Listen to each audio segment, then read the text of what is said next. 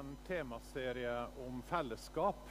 Og eh, Sist søndag så begynte vi med å snakke litt om dette her med grunnlaget for fellesskapet. Og jeg siterte en eh, tysk prest som heter Dietrich Bonhoeffer, som eh, har skrevet ei bok om eh, det. Han har skrevet ei bok om fellesskap som vi anbefalte. Eh, som heter 'Fellesskap og bønn'. Den eh, kan dere eh, bestille. Vi tar en felles bestilling på den, og så kan dere sende en e-post til meg eller til Lisa. Den kan jo også kjøpes på engelsk. Da heter den 'Life Together'. Men Bonhoeffer siterte jeg mye forrige gang, for han sier noe om at kristen fellesskap, det er en virkelighet, sier han, skapt av Gud i Kristus, som vi får lov å ta del i. Kristen fellesskap er en virkelighet som vi får lov å ta del i. Det var litt av det fundamentet som vi la sist gang. Det er noe som Gud skaper, og som vi får lov å være en del av. Det er bare av nåde, og det er i Jesus at vi eier dette fellesskapet. Men samtidig så er altså Bibelen full av formaninger om at vi skal være med å bygge dette fellesskapet at vi har et ansvar, at vi skal elske hverandre, ta vare på hverandre og bygge fellesskap. F.eks. Romerbrevet 14. Så la oss gjøre det vi kan for å bevare freden og bygge opp fellesskapet. La oss gjøre det vi kan. Er det en motsetning da her? Tydeligvis ikke. For det er slik for Paulus at selv om fellesskapet er gitt av Gud, og vi får lov å ta del i det, så har vi felles også et ansvar for dette fellesskapet. Være med på å bygge, være med på å bevare freden i fellesskapet, ta vare på det. Og Bibelen advarer mot alt som er med på å ødelegge fellesskapet. Slik som Efeserne 4.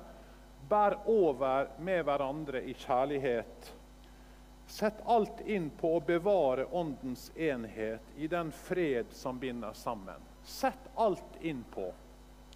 Du har et ansvar for den menigheten som Gud har satt deg i. Det fellesskapet som du får høre til i. Og I dag skal vi snakke om dette ansvaret.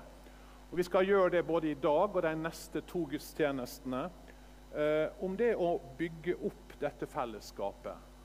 Og I dag er temaet om bønn i fellesskapet. Hvorfor? Jo, tre grunner til det som jeg vil ta opp. Når vi takker for menigheten, så endres vår holdning til den. Når vi ber for de andre, så styrkes kjærligheten mellom oss. Og når vi ber sammen, så flyttes fokuset fra alt som ikke fungerer, og over på Gud og til hans makt og hans styrke. Så la oss gå rett inn i dette. For det første, når vi takker for menigheten, så endres vår holdning til den.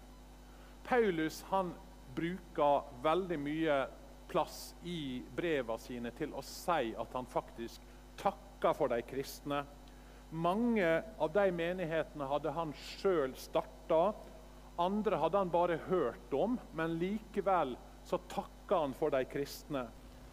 Bare ett eksempel, Kolosserne 1. Vi takker alltid Gud, vår Herre Jesu Kristi Far, når vi ber for dere. Vi takker alltid Gud, sier han, for kolosserne. Og Dette finner vi overalt i breva til Paulus.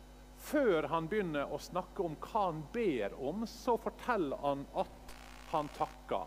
Og Slik også i den teksten som er skrevet i heftet som dere har. I denne høsten så har vi et hefte der dere kan notere ned stikkord fra preika. Og I den teksten som står i dag, 2. Tessalonikar 1, 3-4 Vi må alltid takke Gud for dere, søsken, som rett er. For troen deres vokser seg stadig rikere, og kjærligheten dere har til hverandre, blir større hos hver og en av dere. Når vi forteller om dere i Guds menigheter, kan vi derfor være stolte over den utholdenhet og tro dere viser i alle de forfølgelser og trengsler dere må tåle. Hva takker vi for? Hva takker du for når du ber? Jeg vet med meg sjøl at jeg veldig fort takker for en god natts søvn. Jeg takker for at jeg har mat, at jeg har alt jeg trenger. At jeg får være frisk. Jeg takker for familien min. Vi takker kanskje for ei leilighet vi har fått kjøpt, eller at vi ble friske fra en farlig sykdom. Og ingenting er galt med dette. Tvert imot. Jeg tror vi skal takke for alle ting. Alle gode gaver som Gud gir oss. Men har du lagt merke til hvor stor del av takka di som er for din egen velferd? Som handler om deg og dine behov? Og det vi takker for, fortell ikke det oss hva vi syns er viktigst. Det vi takker for, forteller ikke det noe om hva som har fokus. Hvis en stor del av vår takk til Gud er for materielle ting, er det fordi vi verdsetter materielle ting høyest? Legg merke til hva Paulus takker for. Og Når vi gjør det, så blir iallfall jeg litt overraska og litt sånn skamfull. For Paulus han nevner omtrent aldri disse tinga her. Tvert imot så takker han for andre ting. Han takker for at trua vokser hos de kristne i Tessaloniki. De ble ikke bare kristne, men de vokste i tru. Nei, de strekker seg mot åndelig vekst. Og det takker Paulus for. Så takker han for at kjærligheten blir sterkere mellom dem. Vi sa sist at uten Jesus er det ufred imellom oss. Det er bare i Han at vi har fred. For vi som hører til i et fellesskap Jeg vet ikke om du har lagt merke til det, men vi er utrolig forskjellige. Har du tenkt over det? Utrolig forskjellige i alder, i interesse, i eh, bakgrunn og hva kultur vi kommer fra, og til og med hva språk vi snakker. Her er sikkert folk som snakker 20-25 forskjellige språk i denne menigheten. Vi er utrolig forskjellige, så hva kan binde oss sammen? Ikke felles interesse. Det er kun Jesus som kan binde oss sammen. Det er han som er vår fred. Og hvis vi mister det av syne, så er det fort at ufreden kommer. Å takke for de andre, det styrker kjærligheten mellom oss. Og han takka for at de holdt ut i prøvelser. De møtte jo veldig mye motgang og prøvelser, de første kristne. Og Paulus han fortsetter i den teksten, hvis dere leser i heftet, så fortsetter han å si at Gud skal nok en gang stille til ansvar mennesker som har gjort vondt, mennesker som forfølger osv. Alle skal vi fram for Guds domstol.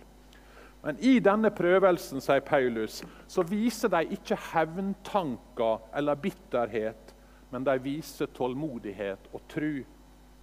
Dette er det Paulus takker for. Hva takker vi for når vi tenker på de andre i Trondheim frikirke? Hva vil det skje hvis vi takker mer for hverandre? For de som er i smågruppa di, for de du tjener sammen med, enten det er i NOA eller det er i å snakke norsk, eller hvor det er du har en tjeneste, eller for menighetsrådet, eller bare for de du treffer her på gudstjenesten Når du takker, så vil noe skje med hjertet ditt. Når du takker, så vil noe skje med deg. Bonhoeffer han sa jo dette her, at vi er satt inn i et kristen fellesskap bare av nåde. Derfor, sier han, trer vi ikke kravfulle inn i dette fellesskapet med andre kristne, men takknemlige og mottagende.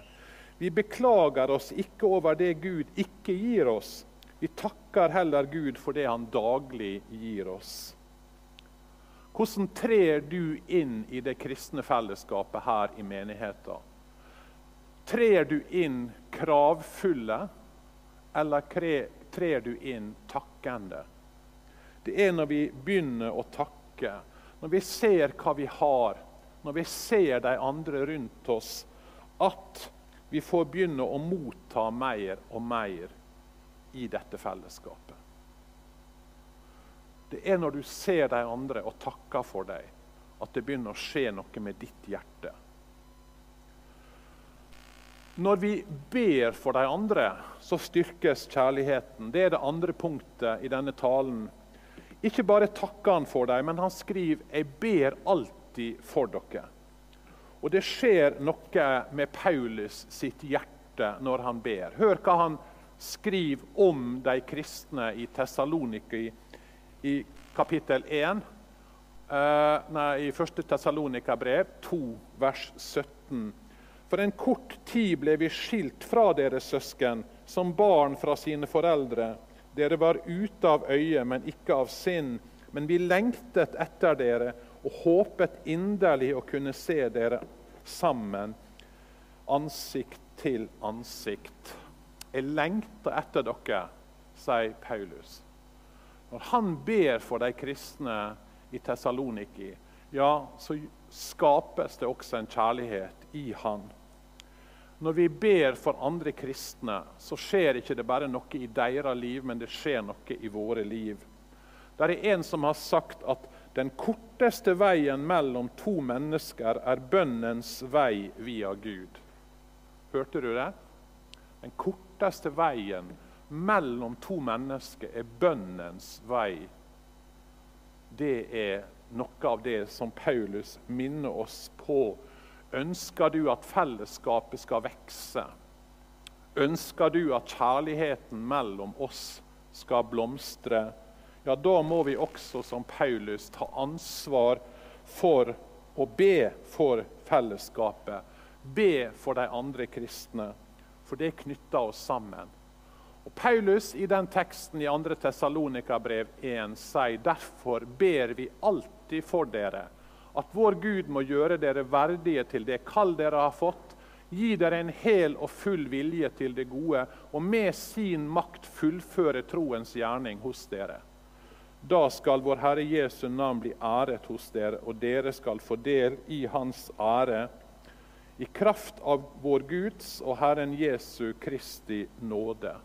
La det bli mennesker som er verdig det kallet som de har fått, sier Paulus. La dem få vokse i tru. La dem få frukt i sitt liv, så de får vilje til det gode. Og makt til å fullføre troens gjerninger, slik at Guds navn kan bli æra. Sånn kan vi sammenfatte bønna til Paulus. Så her er en modell for å be for de andre i Trondheim frikirke. Sjølsagt skal vi be om helse. Vi skal be for jobben deres, vi skal be for hverandres barn og barnebarn. Men hva om vi også snudde bønnene mer i den retninga som Paulus her ber om? At troa si frykt må vokse i livet til den og den. At gruppa vi er i, må bære over med hverandre i kjærlighet at han eller hun får kraft og makt til å fullføre de oppgavene Gud har kalt dem til.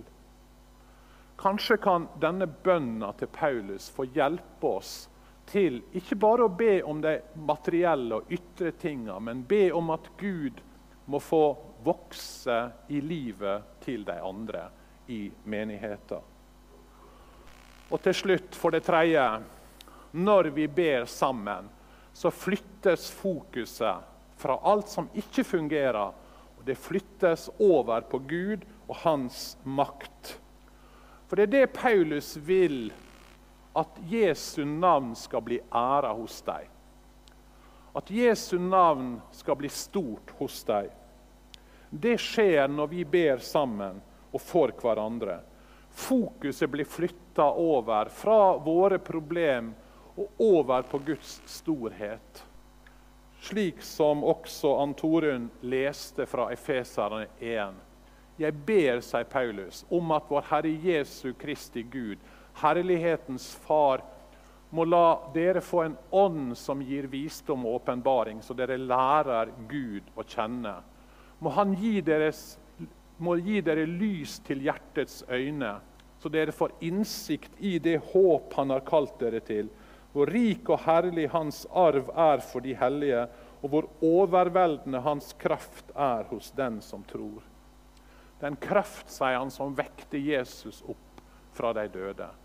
Hva er det Paulus ber om? Jo, at de må kjenne Gud, og at hjertets øyne må få lys, så de ser hvem Gud er. Det er merkelig overraskende å lese Paulus sine bønner. Fordi Du finner nesten aldri at han ber om at Gud må endre de ytre omstendighetene. At de må bli bedre. For husk at dette var kristne som levde under veldig vanskelige forhold. Det var fattigdom, det var sykdom, det var forfølgelse, det var strev. Deres liv var utrolig krevende og tøffe. Omtrent ingen foreldre på den tida kunne vente at alle barna vokste opp. Men i alle sine bønner som vi finner fra Paulus, så finner du ikke bønner om en bedre keiser. Du finner ikke bønner om beskyttelse mot plyndring og fiendtlige hærstyrker. Ja, du finner ikke engang bønner om mat til neste måltid. De tinga vi hadde hatt øverst på våre bønnelister, er ikke på Paulus sine lister i det hele tatt. Betyr det at det er galt å be om sånne ting? Nei. Tvert imot. Vi skal be om daglig brød. Det lærte Jesus oss. At vi har lov til å legge alle våre bekymringer fram for Han. Og Paulus sier vi skal også be for styresmaktene og for de som har myndighet imellom oss, slik at vi kan leve et stille og fredelig liv. Men Paulus viser oss kanskje her hva som ligger han mest på hjertet hva er det viktigste Gud kan hjelpe oss med? Og Da er det altså at Paulus tenker det viktigste jeg kan be om, det er at vi ser Guds makt og storhet. Ikke bare skjønner det med hodet, men at det blir en realitet i våre hjerter, slik at vi kjenner Han Hjertet i Bibelen er jo et slags kontrollsenter som styrer meg, kontrollerer følelsene, tenkninga, handlingene. Hva er vår naturlige måte å tenke på? Jo, når ting går godt i livet, da glemmer vi fort Gud. Når ting går dårlig, så blir vi forvirra og redde og fortvila. Ytre omstendigheter det preger oss, påvirker oss i stedet for at vår sikkerhet og vår trygghet hviler i Gud. Så Paulus ber for de kristne at de må få Guds lys inn i hjertet, og det vil forandre alt. Vi kan vite med hodet at Gud er allmektig og kjærlig og bryr seg. Men det Paulus ber om, det er at hjertet må forstå det også. For da blir ikke de ytre omstendighetene forandra, men vi blir forandra. Jeg holder på å lese en biografi om Martin Luther King jr. Fascinerende historie om denne mannen som, som fikk bety så mye for å få slutt på raseskillet i sørstatene. I 1954 da var han ferdig med utdannelsen. Han hadde tatt en doktorgrad på universitet oppe i nord. Og Han fikk massevis av tilbud om å være i nordstatene, der det var tryggere for han og familien. Men han og Coretta, kona, de valgte å dra tilbake igjen til Montgomery i Alabama, som jo var en av de mest segregerte byene i USA. Der ble han pastor i ei menighet. Han ble raskt en leder. Og høsten 1955 da skjedde det noe i Montgomery. Ei dame som heter Rosa Park, Hun satt på bussen. Og det var jo da slik at Bussene de var delt i to. Svarte skulle sitte bakerst, hvite skulle sitte foran. Hvis det var fullt i den svarte seksjonen, så hadde de svarte ikke lov å ta hvite sete. Derimot var det slik at hvis det var fullt i den hvite delen, så kunne hvite forlange å få seter til de svarte som satt. Ikke nok med det, du kunne altså gå bakom og ta et sete fra en svart. Og den svarte fikk heller ikke lov, da lov å sitte ved siden av deg siden du var hvit. Dette var i 1955, i min levetid. Så Rosa Park var på vei hjem igjen 2.12.1955. Hun hadde vært på jobb hele dagen og streva for en hvit familie som hushjelp. Og hun sa 'Jeg orka ikke'. Beina mine var så slitne. Så når den hvite kom og ville ha hennes plass, så nekta hun. Hun ble arrestert, tatt av politiet og Hun ble ført til politistasjonen og ble fengsla. Dette satte jo sinna i kok, og det var starten på bussboikotten i Montgomery. Og Den ble leda etter hvert av Martin Luther King jr. Og Han ble jo da senteret for alt hat, all forakt, for alle breva. Han ble arrestert. Han og Coretta hadde fått ei lita jente og De ble daglig trua. Telefonen sto ikke stille. Og huset deres ble bomba. Og han fikk dødstrusler nesten daglig. Det var en voldsom påkjenning i denne bussboikotten, som jo forandra veldig mye i sørstatene, og som varte ett år.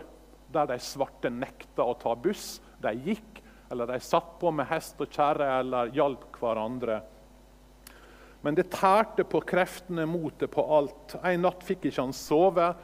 Når han satt der oppe og var fortvila, så ringer telefonen, og ei grusom stemme sier til han, 'Nigger, hvis du ikke er ute av denne byen i løpet av tre dager, så skal vi skyte deg og bombe huset ditt.'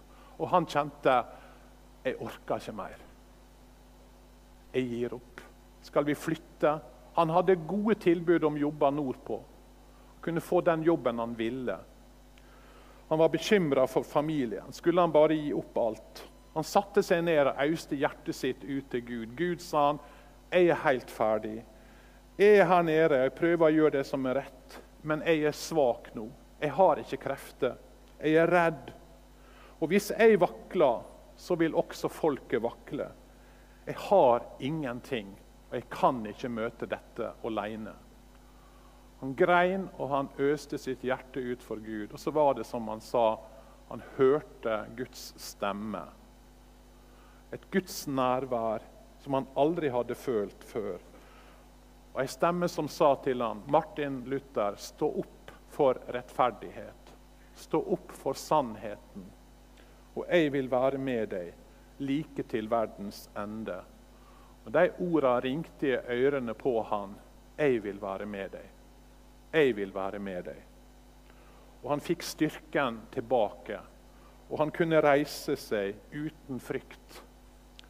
Omstendighetene rundt han, de var ikke endra. Men bønn endra han. Han ble fortsatt forfulgt, han ble fengsla, og som dere vet, han ble jo til slutt drept i denne kampen. Men etter denne opplevelsen så hadde han en fullstendig tillit til Gud ei ro og en fred som overgikk all forstand. Hans hjerte hadde sett Gud er Gud. Og han vil ikke slippe meg forla eller forlate meg.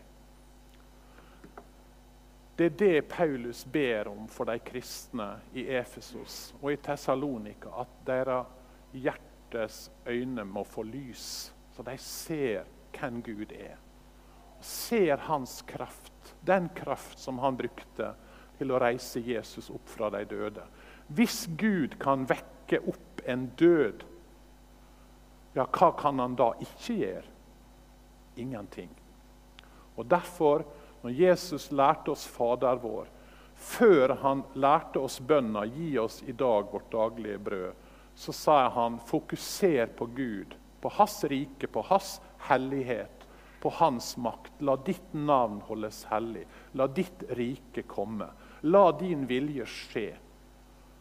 Det er når vi fokuserer på dette, at de ytre omstendighetene får sin rette plass. De daglige behovene får sin rette plass. Hvordan kan vi gjøre dette? Jo, vi kan gjøre det med å lovsynge sammen. Høre Guds ord sammen i fellesskapet. Be sammen. La Gud få tale inn i våre hjerter. Så ikke vi bare forstår det med forstanden, men våre hjerter får lys, så vi ser hvem Han er. Hvor stor Gud er. Hvor allmektig Gud er. Hvor annerledes Gud er. Han er verd å tilbe. Og Da blir ikke det de ytre omstendighetene som vil styre våre liv. For de ytre omstendighetene de vil alltid skifte. Og lidelse og problem og motgang vil alltid komme. Men når vi ber sammen, ja, så får våre hjertes øyne lys, så vi ser hvem Gud er. Et fellesskap i bønn vil du være med på det her i Trondheim frikirke? Jesus, takker deg for at vi får lov å komme fram for deg i bønn. Ikke bare for oss sjøl, men for hverandre, for fellesskapet, for menigheten, for de andre søsknene vi har i trua. Jeg ber at du skal hjelpe oss til å takke og til å be for hverandre. Og at du gjennom alt dette må gi våre øyne, hjertes øyne lys, så vi ser hvor stor du er, og hvor mektig din kraft er mellom oss som tror. Ber om at det må få skje iblant oss. Amen.